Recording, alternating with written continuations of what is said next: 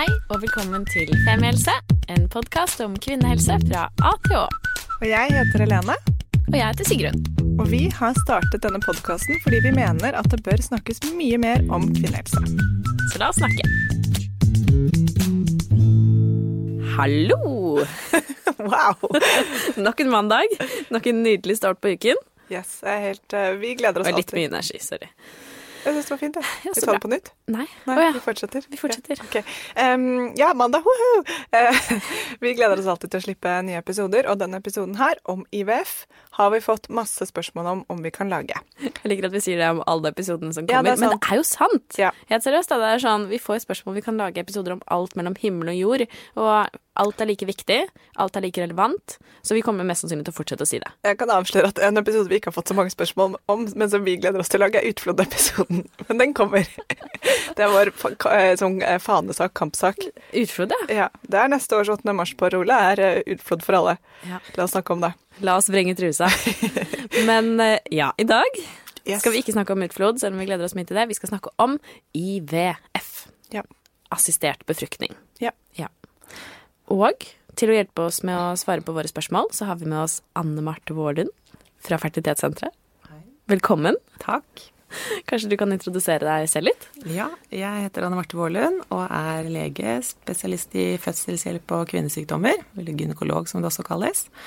Og jeg jobber da på Fertilitetssenteret, som er en klinikk i Oslo som eh, først og fremst driver med utredning og behandling av par som sliter med å oppnå graviditet. Så annet IVF. Så fint. Det er, eh, høres ut som en ekspert etter våre hjerter. Ja, så bra. Um, skal vi bare gå rett på som vanlig? Ja. Ja. Stiller det store åpne spørsmålet hva er IVF? IVF. IVF står for in vitro fertilisering. Flott ord, men det betyr egentlig eh, befruktning utenfor kroppen. Det betyr at eh, det er en behandling hvor man tar eggene til kvinnen ut av eggstokkene. Og så putter man de sammen med sædcellene fra partneren i laboratoriet. Og eh, etter at egget er blitt befruktet, da, eller eggene er blitt befruktet, så setter man et embryo tilbake igjen i livmoren til kvinnen. Så da skjer befruktningen utenfor kroppen, hvis man skal måte, betegne det sånn helt konkret hva vi gjør. Og hvor lang tid er egget i den lille petriskålen sin sammen med spermen og liksom vokser sammen før du setter det inn igjen? Eh, Det er litt forskjellig, men det vanligste er Eller det, man har de alltid ute av kroppen mellom to og fem dager. Så litt avhengig av hvor mange egg vi har å velge mellom, så dyrker vi embryo enten til to dager eller helt opp til fem dager. Det man kaller for blastocyst. Ok, men hvis vi nå liksom skal gå gjennom en IVF-behandling liksom fra start til slutt, da, bare sånn for å forstå det ordentlig, så eh, hva begynner det med? Det begynner med at vi må få tak i eggene til kvinnen. Og eggene i eggstokken de er umodne sånn som de ligger i eggstokken til vanlig. Og når man har sin egen syklus, så lager man ett egg i én syklus. Og det vi ønsker oss ved IVF, det er å øke sjansen for å finne dette egget som er liksom gullegget, ved å stimulere med sprøyter. Én sprøyte daglig er det som regel i 10-14 dager, som kvinnen setter selv. Og det er det samme hormonet som man lager selv i sin egen syklus, men i en høyere dose. Så det er en hormonbehandling i form av medikamenter, da. Ja. Hvilket okay. hormon da? FSH, altså forlikkelstimulerende hormon. Det er det som man lager selv også i hypofysen når man skal lage ett egg. Men vi tilfører det i en høyere dose, slik at man overtaler eggstokken til da å ikke lage ett egg, men forhåpentligvis lage et sted mellom 5 og 15 egg på en gang. Så kult. Så du setter en sprøyte, da. Mm. Én sprøyte hver dag i mellom 10 og 14 dager er det vanlige. Og så blir, man under, altså så blir man undersøkt underveis med ultralyder for å se hvordan utviklingen er på eggstokkene. Og når vi ser at eggene er modne, slik at vi kan ta de ut og bruke de videre i laboratoriet. Hvor setter man sprøyten? Den setter man veldig enkelt i underhudsfettet på magen, så den ligner på en sånn insulinpenn som man bruker hvis man har diabetes. Eller hvis noen har eh, allergi og har en sånn epipenn, så er det akkurat samme type sprøyte. Så den er veldig enkel å bruke. Og du gjør det hjemme selv. Gjør det hjemme. Ja. Så fint. Her blir man påvirket av disse sprøytene i løpet av disse to, opptil to ukene. Man tilfører jo hormoner, så det er klart at har man eh, mye eh, på en måte symptomer rundt en eggløsning, så kan man tenke seg at eggløsningssymptomene vil være forsterket. Eh, noen, man blir jo litt oppblåst i magen, det er kanskje det vanligste symptomet. Og så er det litt avhengig av eh, hva slags type hormoner man får, om man kan få litt hodepine, føle seg litt trøtt og uopplagt. Eh, noen blir litt glemske. Eh, ja, litt sånn konsentrasjonsproblemer. Jeg føler mange at de er litt sånn glenske, men det går fort over igjen, altså. Eh, Men stort sett så tolereres disse hormonene faktisk mye bedre enn man forventer. Det er mange som er veldig spent og engstelige for prosessen, og så tror de nesten at ikke det har virket fordi at det egentlig har gått så greit. Men jeg har hørt også at man kan bli litt sånn tenåring i humøret. At man kan bli litt klikk på kjæresten og Litt sånn kort i lunta? Ja. ja. Det kommer litt an på. Det er en spesielt én type man kan stimulere på to måter. Og hvis man bruker det som kalles for en lang protokoll, som innebærer at man bruker en nesespray i noen uker for å nulle systemet til kvinnen og få enda bedre kontroll over hormonene, hvis man bruker den nesesprayen i noen uker før man begynner på sprøyter, som er også er ganske vanlig, da eh, nuller man jo hormonene til kvinnen, og da kan man bli litt eh, Da går man i en sånn forbigående overgangsalder, kan man kalle det. Og da kan man bli litt kort i lunta og ja, hodepine og litt sånn følsom, kanskje. Men det går også veldig fort over, da. Det er jo blir jo en lang PMS, eller? Ja, det blir Er det riktig å si det? Ja, det, eller det blir ikke PMS, men det blir litt de samme symptomene ofte. At man kan ha litt eh, Være litt, eh, litt mer sånn sårbar. Ja. Høres jo ganske heftig ut uansett, da, fordi endgame her er jo at du håper på en graviditet som igjen gjør at du går inn i sånn hormonspiral, da. Så det, det er jo ikke Altså, det høres ut som en ganske sånn heftig påkjenning både fysisk og psykisk å gjøre dette. Selv om det kan gå veldig greit for mange. Jeg tror nok at, eh, at de fleste, spesielt første gangen man gjør det, synes det er en, eh, en eh, litt sånn skummel belastning. Og det er jo fordi at man går jo inn, som du sier, i dette med at man ønsker seg barn, og kanskje har prøvd lenge allerede.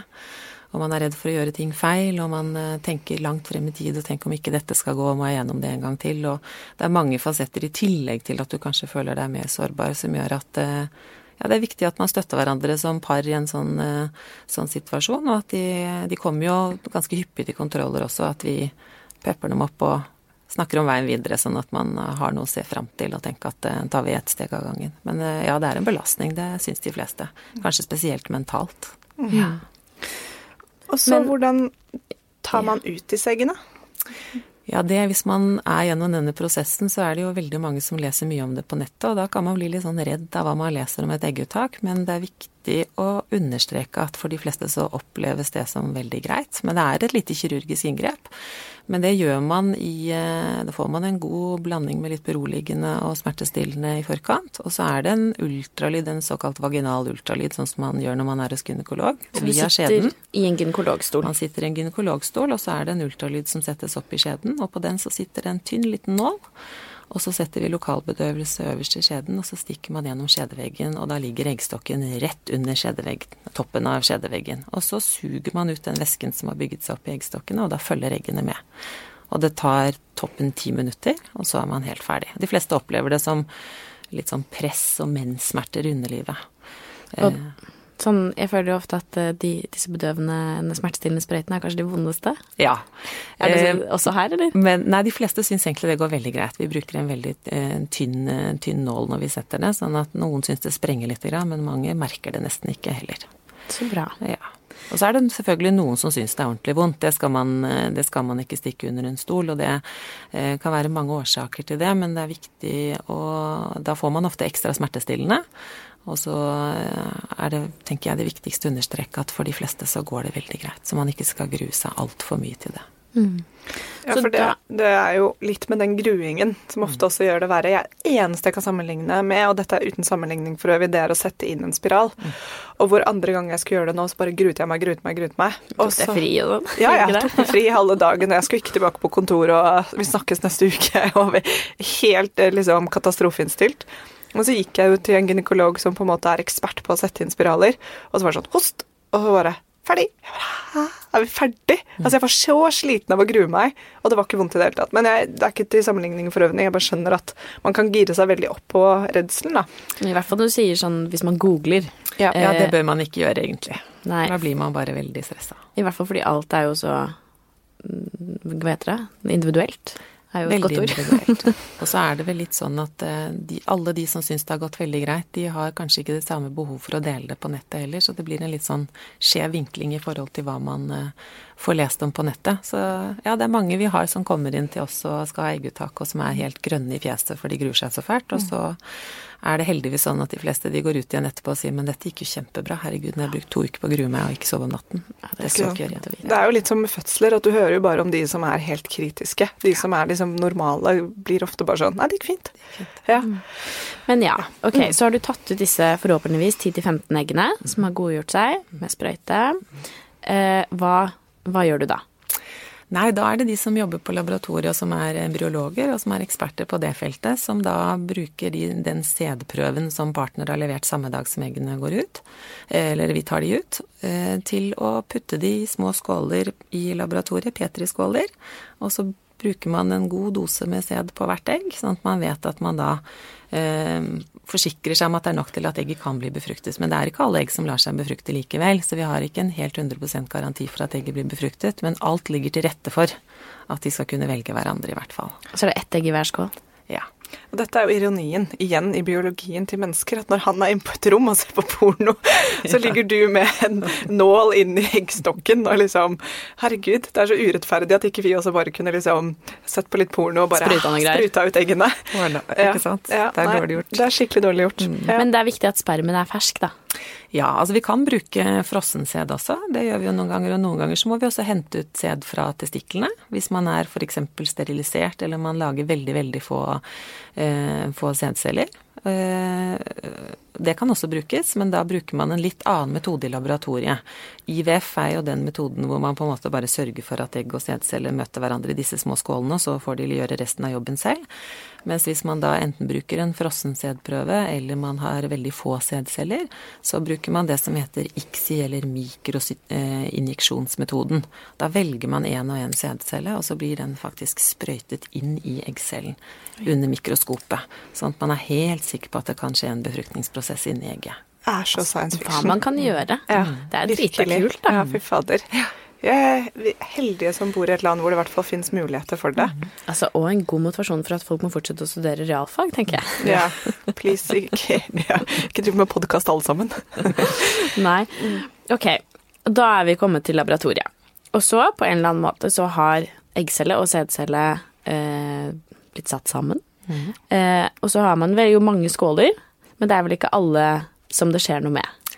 Nei, det er ganske stort frafall, og det er jo også Hvis man skal sammenligne med naturen, så vet man jo at kvinner eller par kan bruke opptil et år på å oppnå graviditet når man prøver hjemme og alt er i orden. Og det er jo fordi at ikke alle disse eggene enten blir befruktet i hver måned, eller at man, eh, at man ser at de stopper opp underveis. Og det ser man også når man gjør IVF, og det er derfor man ønsker seg en del egg. For man har en ganske trang trakt man ender opp med. Så har man ti egg, så er det kanskje ett eller to eller tre som er bra nok til at man kan velge mellom de og sette tilbake igjen. Ja. Så setter vi tilbake igjen det beste. Det som har utviklet seg best, på Ja, det som liksom gjør alt etter boka, gjør de riktige celledelingene og ser sterkest ut. Eh, og så er det jo sånn at hvis vi har flere egg som da er veldig bra, og som vi tenker har potensial, så putter man de andre i frysen. Ja. Og da du, men da skal du tilbake i gynekologstolen. For å sette embryoet tilbake. Ja, hvor setter du det inn, da? Nei, da set, det, er nest, det kan sammenlignes selve prosedyren med hvordan man tar en celleprøve. Man bruker et sånt spekel, som man kaller det, for å få sett livmorhalsen. Samme som man bruker når man setter inn en spiral også. Og så gjør man en ultralyd for å se hvor man skal, og så setter man en tynn, tynn, tynn, tynn liten slange med embryo helt ytterst i slangen opp i livmoren, og så putter man det forsiktig på plass med litt grann dyrkningsmedium. Og så er man ferdig. Så det tar toppen ti minutter. Sender opp med en liten matpakke. Ønsker Ja. lykke til. Ja. Ok, fordi Det er ikke sikkert du kan svare på dette, men det var jo en periode for uh, kanskje Jeg føler at det har gått litt over nå, men hvor alle Hollywood-stjerner, uh, gjerne liksom 40 pluss, fikk tvillinger. Og det bare begynte å lukte litt sånn Her, her, her skjer det ting. Og uh, fordi før var det vel mer normalt å sette inn flere egg også samtidig, så det ble ofte flerfødsler. Mm. Det var jo en av hoved, man kaller det, problemene ved assistert befruktning eller IVF-behandling, var jo at man så en veldig økt forekomst av flerlinggraviditeter. I begynnelsen var det jo også trillinger og firlinger. Oi. Nå går det jo heldigvis stort sett bra med tvillinger i Norge fordi vi har eh, utrolig bra nyfødtmedisin og, og folk som kan hjelpe til hvis de kommer for tidlig. Men det er en betraktelig høyere risiko for eh, både komplikasjoner i svangerskapet og etter, altså fødsel også, og for mor òg.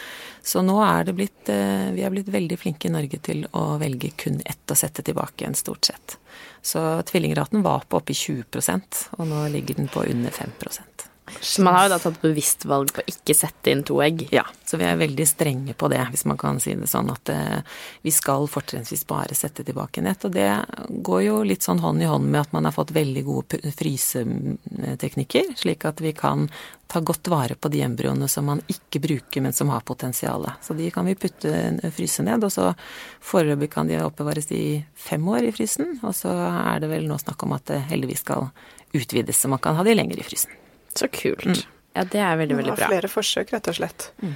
Men er det sånn at um, Kan man be om å få satt inn flere egg? Hvis man liksom er man kan be om det, men uh, ofte så får man nei. Og det er jo en medisinsk ansvar vi har, vi som driver med det, at vi skal sørge for at man har best mulig sjanse til å bli gravid, men med minst mulig risiko for ja, både spontanabort, senabort og, og, alvorlige komplikasjoner for graviditeten. Så, så, det er helt lov å spørre, og vi setter jo noen ganger tilbake en to egg, spesielt kanskje på kvinner som er litt uh, eldre, hvor man tenker at sjansen for graviditet er betraktelig redusert. Men, uh, men det er sjeldent. Sånn at uh, man får vel i hvert fall ofte kanskje nei hvis man spør. Mm. Men det er helt lov å spørre.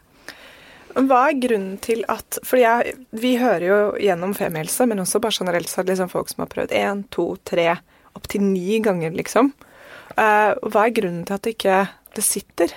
Kan det være noe i miljøet inni livmoren, eller kvaliteten på egg eller spermen, eller hva, hva kan være årsaker til at man da aborterer, mm. eller spontanaborterer? Mm. Nei, altså Det man vet generelt sett, er at det er veldig naturlig for kvinner at man tenker at det er noe galt med meg eller med min livmor. Og det ser vi at det er en veldig liten gruppe hvor vi ser at det er livmoren det er noe galt med. Det er viktig å huske på. Det er en liten gruppe hvor man ser at man kan ha en skillevegg i livmoren eller en eh, litt spesiell form på livmoren som gjør at man spontanaborterer lettere eller ikke blir gravid. Men i de aller, aller fleste tilfellene så er det embryokvaliteten, altså det som skal feste seg, som bestemmer om man blir gravid eller ikke. Og det går jo da på eggkvalitet og til dels sædkvalitet. Men der er man Igjen så er det knyttet veldig sterkt opp til kvinnens alder og hvor skjøre eggene eventuelt er da i forhold til om man er eldre eller yngre. Ja, så det er eh, betraktelig økt sjanse for spontanabort hvis man også er ja, 40 f.eks. Mm. For det er jo liksom lett å tenke at hele denne IVF-prosedyren blir jo veldig sånn kvinnebasert, og at det derfor også eh, blir veldig sånn at man tenker at det er kvinnen det er noe galt med, som du sier. Men det er jo nødvendigvis ikke sånn i det hele tatt, for dette gjelder vel like mye hvis man har en partner som er infertil. Mm. Det er jo i en tredjedel av tilfellene så ser vi at årsaken alene ligger hos mannen. ikke sant? Når man utreder og ser, skal prøve å finne ut hvorfor oppnår vi ikke graviditet når vi prøver hjemme, så ser vi i en tredjedel av tilfellene at det er en klar såkalt mannlig faktor. At sædkvaliteten er så nedsatt at man, at man, ikke kan forvente å oppnå graviditet hjemme. Det kan selvfølgelig skje, men, men da skal man være veldig heldig. Kan man gjøre noe med sædkvaliteten på samme måte som man gjør det med denne altså, nesesprayen og disse sprøytene for å øke eggkvaliteten? Kan, gjøre, kan menn gjøre noe? Nei, altså det hadde vært veldig flott hvis vi hadde noen sånn voldsomt fin metode å gjøre sædkvaliteten bedre på. For de aller fleste ser vi at ikke vi har noe særlig å rutte med. Det er klart man kan optimalisere eh, altså mineraler og vitaminer men, eh, og kosttilskudd sånn sett, men det gir ofte ikke det utslaget som gjør at man går fra en avvikende sædprøve til en helt normal sædprøve.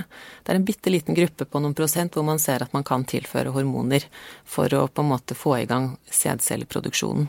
Men det er en ytterst liten gruppe som har det problemet. Så ofte så ligger det i produksjonscellene i testiklene. Og det får man ikke gjort så mye med. Jeg så et TV-program. Det er alltid vrient når man henviser til et TV-program, men mm. da var det et par som slet med å få barn, og det lå på at han hadde trege sædceller. Og det de, han gjorde, var rett og slett å legge om livsstilen. Mm. For han satt hver kveld, og dette gikk på TV Norge eller noe sånt, han satt hver kveld med Mac-en på fanget og spilte mens kjæresten satt ved siden av og så på TV.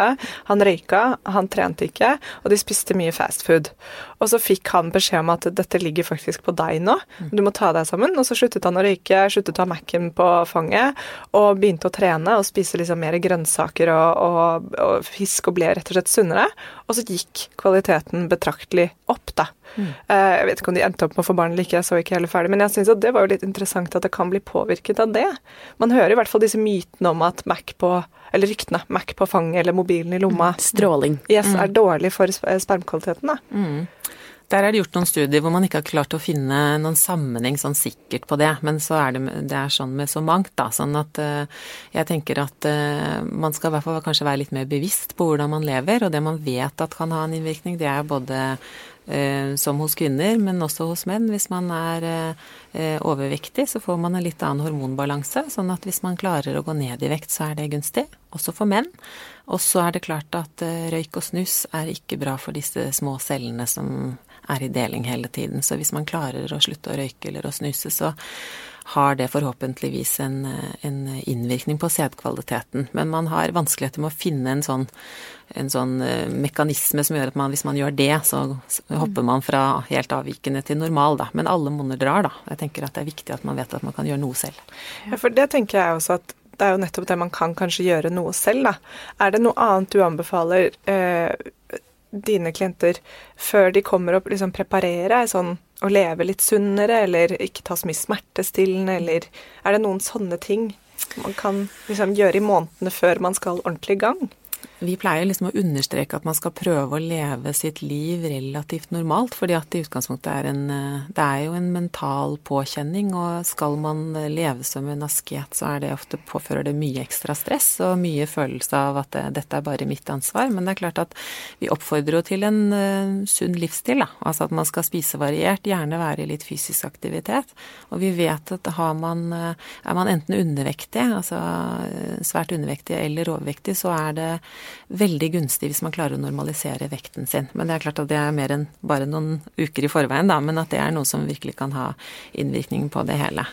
Eh, og der for kvinner så gjelder det samme med røyk og snus, og så eh, et moderat alkoholinntak. Så det er på en måte å leve. Den gylne middelvei er vel egentlig det viktigste. Og kanskje finne en periode hvor man skal gjøre behandlinger hvor man ikke har 100 000 andre ting som står på programmet samtidig. Og det er mest for at man skal klare å håndtere situasjonen på en best mulig måte. For jeg har hørt en sånn Dette er også et rykte, jeg tar opp alle rykter med deg, jeg. Eh, men som er noe som heter sånn spastic eh, vagina. Altså at, at, man blir så stresset i å forsøke på å få barn at nesten liksom ikke tar imot spermen eller embryo, men det er kanskje bare tull, eller er det noe i det? Eh, det må jeg innrømme at jeg ikke har hørt om. Nei. Eh, men, eh, men, det er klart at veldig mange som kommer til oss, er engstelige og stresset fordi de stresser og har en stressende livsstil. Man har jobb, man har hundre ting man skal gjøre. og da er det viktig å huske på at stress i seg selv er en fysiologisk prosess. Sånn at det er naturlig at man er, hva skal man si, fokusert og kanskje engstelig og bekymrer seg for dette. Eh, men jeg tror at man skal få la det heller få litt rom, og at man skal si at det er normalt, og det er ikke skadelig for prosessen at man, eh, at man føler stress rundt det. Eh, hvis ikke så blir man enda mer stressa, og så er det en ond sirkel. Sånn at jeg tror ikke man kan stresse på seg en livmor som ikke tar imot et embryo, hvis embryoet er optimalt, for å si det sånn, i, i vår prosess, da. Så man må nok heller bare gi det litt eh, rom i det at det er en stressende periode man skal igjennom. Og det er helt lov, og det er helt naturlig. Det er bra. Um, det er veldig godt å vite. Jeg, må, jeg har bare lyst til å fortsette med en ting, fordi nå har vi kommet inn til innsettelse, ikke sant? Ja. Hva, skjer det noe etterpå? Du skal få lov til å stille flere spørsmål etterpå, Helene. Jeg må, bare, jeg må bare, komme i mål. Ja, ikke sant. Med prosessen. Um, ja, da Det er mange som opplever at da blir det en sånn ventetid, da. For da har vi satt embryoet tilbake, og da er det sånn at vi kan ikke vite om det har oppstått eller om man blir gravid før det har gått ca. 14 dager. Ja, det er så lenge. Og det er to vanskelige uker som man kanskje er minst forberedt på i hele denne prosessen. Man er stressa for sprøytene, man gruer seg til egguttaket og tilbakesettingen eventuelt. Og så kommer den perioden hvor man skal gå og vente, som nesten de fleste syns er den tyngste perioden perioden, faktisk. Eh, da står man på noen vaginaltabletter, og det er progesteron, og det skal man ha i etterkant for å optimalisere slimhinnen hvor embryo forhåpentligvis skal feste seg. Um, og der kan man nok få litt mer PMS-plager også, da, ikke sant. Ømme bryster og ja, alt det man kan kjenne på i en sånn periode mellom en eggløsning og en uh, kanskje en menstruasjon, da. Og som også kan være litt sånn gravide symptomer, yes. eller? Mm, ja. Så det er uh, på mange måter en vanskelig periode for mange, da. Så man, jeg pleier å si at da får man fylle de to ukene med litt andre ting, sånn at man har litt annet å tenke på. Hvis ikke så går, man, uh, går det veldig sakte de to ukene. Ja. Og så tar man en blodprøve når det har gått ca. 14 dager, som liksom er det første tegnet på eventuelt om man er blitt gravid. Og blir man ikke gravid, så kommer denne menstruasjonen da. Ja. Mm. Mm. Kan man eh, Du sier liksom leve litt sånn normalt og sånn, men f.eks. anbefales det å ikke drikke vin til middag eller sånne ting i den perioden? Burde man bare passe på alkohol og, og det, eller er det greit å ta seg et glass vin før man vet om man har blitt gravid eller ikke? Vi sier at det er helt greit å ta seg et glass vin og kose seg med det hvis man skal bort eller det er et eller annet setting hvor man, eh, hvor man blir tilbudt, eh, tilbudt, det. Eh, det er ikke slik at det er det som på en måte vipper om man blir gravid eller ikke. Og jeg tror det er viktig å huske på at i en sånn setting som assistert befruktning er, hvor man kanskje må gjennom De fleste må gjennom mer enn ett forsøk for å komme i mål. At man skal prøve å leve som normalt som mulig og ikke trenger å leve som om man er gravid. Eh, hvis ikke så, så blir, tilfører man seg selv en hel ekstra mye stress eh, som egentlig ikke er nødvendig å på en måte fokusere på der og da. Mm. Når da eh, Hvis man da får bekreftet at man er gravid, eh, da er man jo eh, fire uker på vei, er det sånn man teller det? Mm -hmm. Ja, yes. Begynner å skjønne. Jeg syns det er så komplisert, men mm. hvor lenge man har vært gravid og ikke. Men da er det noe større sjanse for eh, spontanabort eller andre komplikasjoner, eller er det da det samme som man sier generelt sett at eh, risikoen for spontanabort er den samme om man har vært gjennom IVF-behandling eller om man er blitt spontant gravid hjemme. Ja, sånn at eh, man sier på en måte at veien til graviditet er annerledes. Det er en liten sånn detour eller en liten omvei for å komme dit man ønsker det. Men en oppfølging av graviditeten som sådan etter at man har vært gjennom IVF, er den samme i utgangspunktet som om man har blitt gravid hjemme. Man kommer gjerne til en ultralyd eller to sånn tidlig i graviditeten der hvor man har vært i behandling, bare for å se at alt ser fint ut og at hjertet slår og at det er så stort som det skal være. Men så går man over til vanlig svangerskapsoppfølging i primærhelsetjenesten hos fastlege eller jordmor etter hvert. Ja. Så fint. Mm. Så bra. Um, er det noe vi har glemt nå? Er det noe vi, mer vi burde snakke om? Det noe ja. Jeg tenker kanskje at man kan nevne litt eh, Det er mange som har en forhåpning om at man, eller forventning om at man blir gravid med en gang når man gjør IVF. ikke sant? At det er sånn litt quick fix-løsning. Eh, men det er eh, ca. 35% som blir gravide for barn hvert forsøk, så det er vanlig at man gjør mer enn ett forsøk for å komme i mål. Og det pleier vi å understreke hos oss i hvert fall i forhold til det at man skal ha forventninger og forhåpninger om at man skal lykkes på første, men at man er veldig normal hvis man ikke er i mål etter ett forsøk. Så én av tre blir gravid på første? Ja. Okay. Hvis man er under 35. Ok. Mm. Jeg har et litt sånn praktisk spørsmål. Mm. Eh, hvis man har veldig store problemer med å få barn, og IVF er en løsning, hvordan, altså er det noe man får av staten? Hvordan, hvordan funker det? Nei, det er jo sånn at eh, både staten og private klinikker tilbyr, tilbyr assistert befruktning eller IVF-behandling. Og eh, i, eh, på Rikshospitalet og de andre offentlige sykehusene så er dette et tilbud for, for alle kvinner som lever i et sånn såkalt eh, eh ekteskapslignende Eh, forhold. Altså man trenger ikke være gift, man må være stabilt samboende. Det gjelder også hvis man skal gjøre dette privat. De opererer med aldersgrenser i forhold til hvem de kan ta inn til behandling. Eh, men fastlegen kan henvise til, eh, til offentlig sykehus hvis man har prøvd det inntil et, altså mer enn et år og, og er i et fast forhold. Er det da lang ventetid? Eh, ja, det er alltid litt ventetid, og den ventetiden går litt opp og ned. Så jeg tør ikke å uttale meg akkurat om hvor lang ventetid Rikshospitalet f.eks. har nå, men, men, et sted mellom tre og seks måneder er det vel ofte at det er, da. Før man får komme i gang, i hvert fall. Ja. Eh, og så er det jo mange som har vært til behandling i det offentlige, og som kommer til, eh, til eh, noen av de private klinikkene eller til oss. Og så er det mange som, som ønsker å komme i gang veldig raskt, og som da heller velger å gjøre behandling privat først, og eventuelt gå over til det offentlige hvis man ikke har lykkes. Fordi da får man i utgangspunktet Er det tre behandlinger i det offentlige? Mm.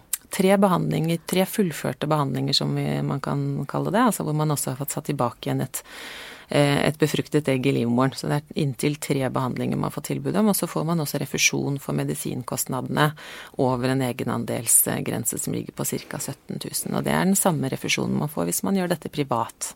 Det er ganske da, dyrt? Det er dyr behandling, ja det er det. Sånn at uh, man betaler gjerne ja, litt over 30 000 for ett sånt IVF-forsøk. Og så kommer medisinene i tillegg, og de er dyre, eller de er også dyre, da. 8000-10 000 på medisiner er det vanlig å bruke. Ja. Det er mye penger. Mm. Men ja, fint å vite. Litt mm. sånn oppsummeringsmessig, tenker jeg. Du sa det var en aldersgrense på det offentlige. Er det det også i privat? Hva er det? Eh, det er, man skal jo gjøre en vurdering på om man har en reell mulighet til å hjelpe paret, og den er, eh, den er knyttet til alder, den også. Men i Norge så har man vel en helt øvre aldersgrense på 44 år.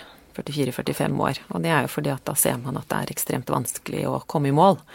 Eh, og så er det litt forskjellig fra klinikk til klinikk eh, om man har lagt seg på 43 eller 44 år i forhold til når man tilbyr behandling. Og så er det klart at, eller viktig å skyte inn at man jo også må se hvorvidt man har mulighet til å stimulere eggstokken i forhold til om man har egg igjen, og om det medisinsk sett er forsvarlig å begynne på den behandlingen da. Og så er det, når man da bare litt sånn tilbake opp, men jeg bare kom på en ting, at når du gjør en utredning av eh, kvinnen Man gjør det også av mannens sæd i begynnelsen, så mm. man vet det. ja. Mm. Man skal utrede både kvinne og mann før man finner ut av veien videre. Og det er jo noen som, som sliter med å bli gravide som ikke ender opp med å gjøre IVF, men hvor man kan hjelpe dem lettere i mål bare ved å gi dem hormoner sånn for å hjelpe dem f.eks. med eggløsning, hvis det er problemet. Eller hvor man også kanskje kan starte med å gjøre inseminasjon før man går rett på IVF. Viktig å vite. Ja. Um, er det sånn at uh Nei, nå, jeg, nå, glemte jeg hva jeg skulle si. Jeg kom på noe smart. Men jeg, jeg kan si en ting. Ja. Og det er jo egentlig litt sånn eh, Har du hørt på denne episoden her, eh, og ikke har hørt den om syklus eh, i hvert fall, og egg og eggstokker, ikke minst, så anbefaler vi veldig å høre på de to episodene, fordi nå snakker vi om, mye om eggløsning og livmorslimhinne og la, bla, bla. Mm. Og eh, da kan det være fint å høre de to først, for der forklarer vi hvordan hele eh, eggets reise øh, egentlig henger sammen. Så det kan være et godt tips. Mm. Så bra. Har du kommet på det smarte? Jeg kom på det smarte. Er det mange som kommer til, til deg og dere som har barn fra før, og som sliter med å få nummer to? Ja, ja. det er det. Og det kan være, det kan være eh, at man har blitt gravid veldig raskt første gangen og blir engstelig når man, bruker litt tid på nummer to, men da er det viktig å huske på at det er normalt å bruke opptil et år selv om man har vært raskt ute første gangen. Men så ser man at det er, eh, det er ikke uvanlig at man eh, oppnår graviditet hjemme med førstemann, og at man ser at man strever kanskje fordi at tiden har gått litt og man har ikke like mange egg igjen, sånn at man trenger litt mer hjelp på barn nummer to. Og så kom jeg på en ting til. Det er to andre episoder vi har gitt ut PCOS og mm. endometriose. Mm. Er det en overvekt av eh, kvinner som har det, som kommer til dere? Eller har de ikke Ja. Du kan si at både PCOS, som jo først og fremst gir problemer med eggløsningen, og endometriose er jo et mer sammensatt eh, problem. Det kan jo være alt fra at man har tette eggledere til selve endometriosen i seg selv.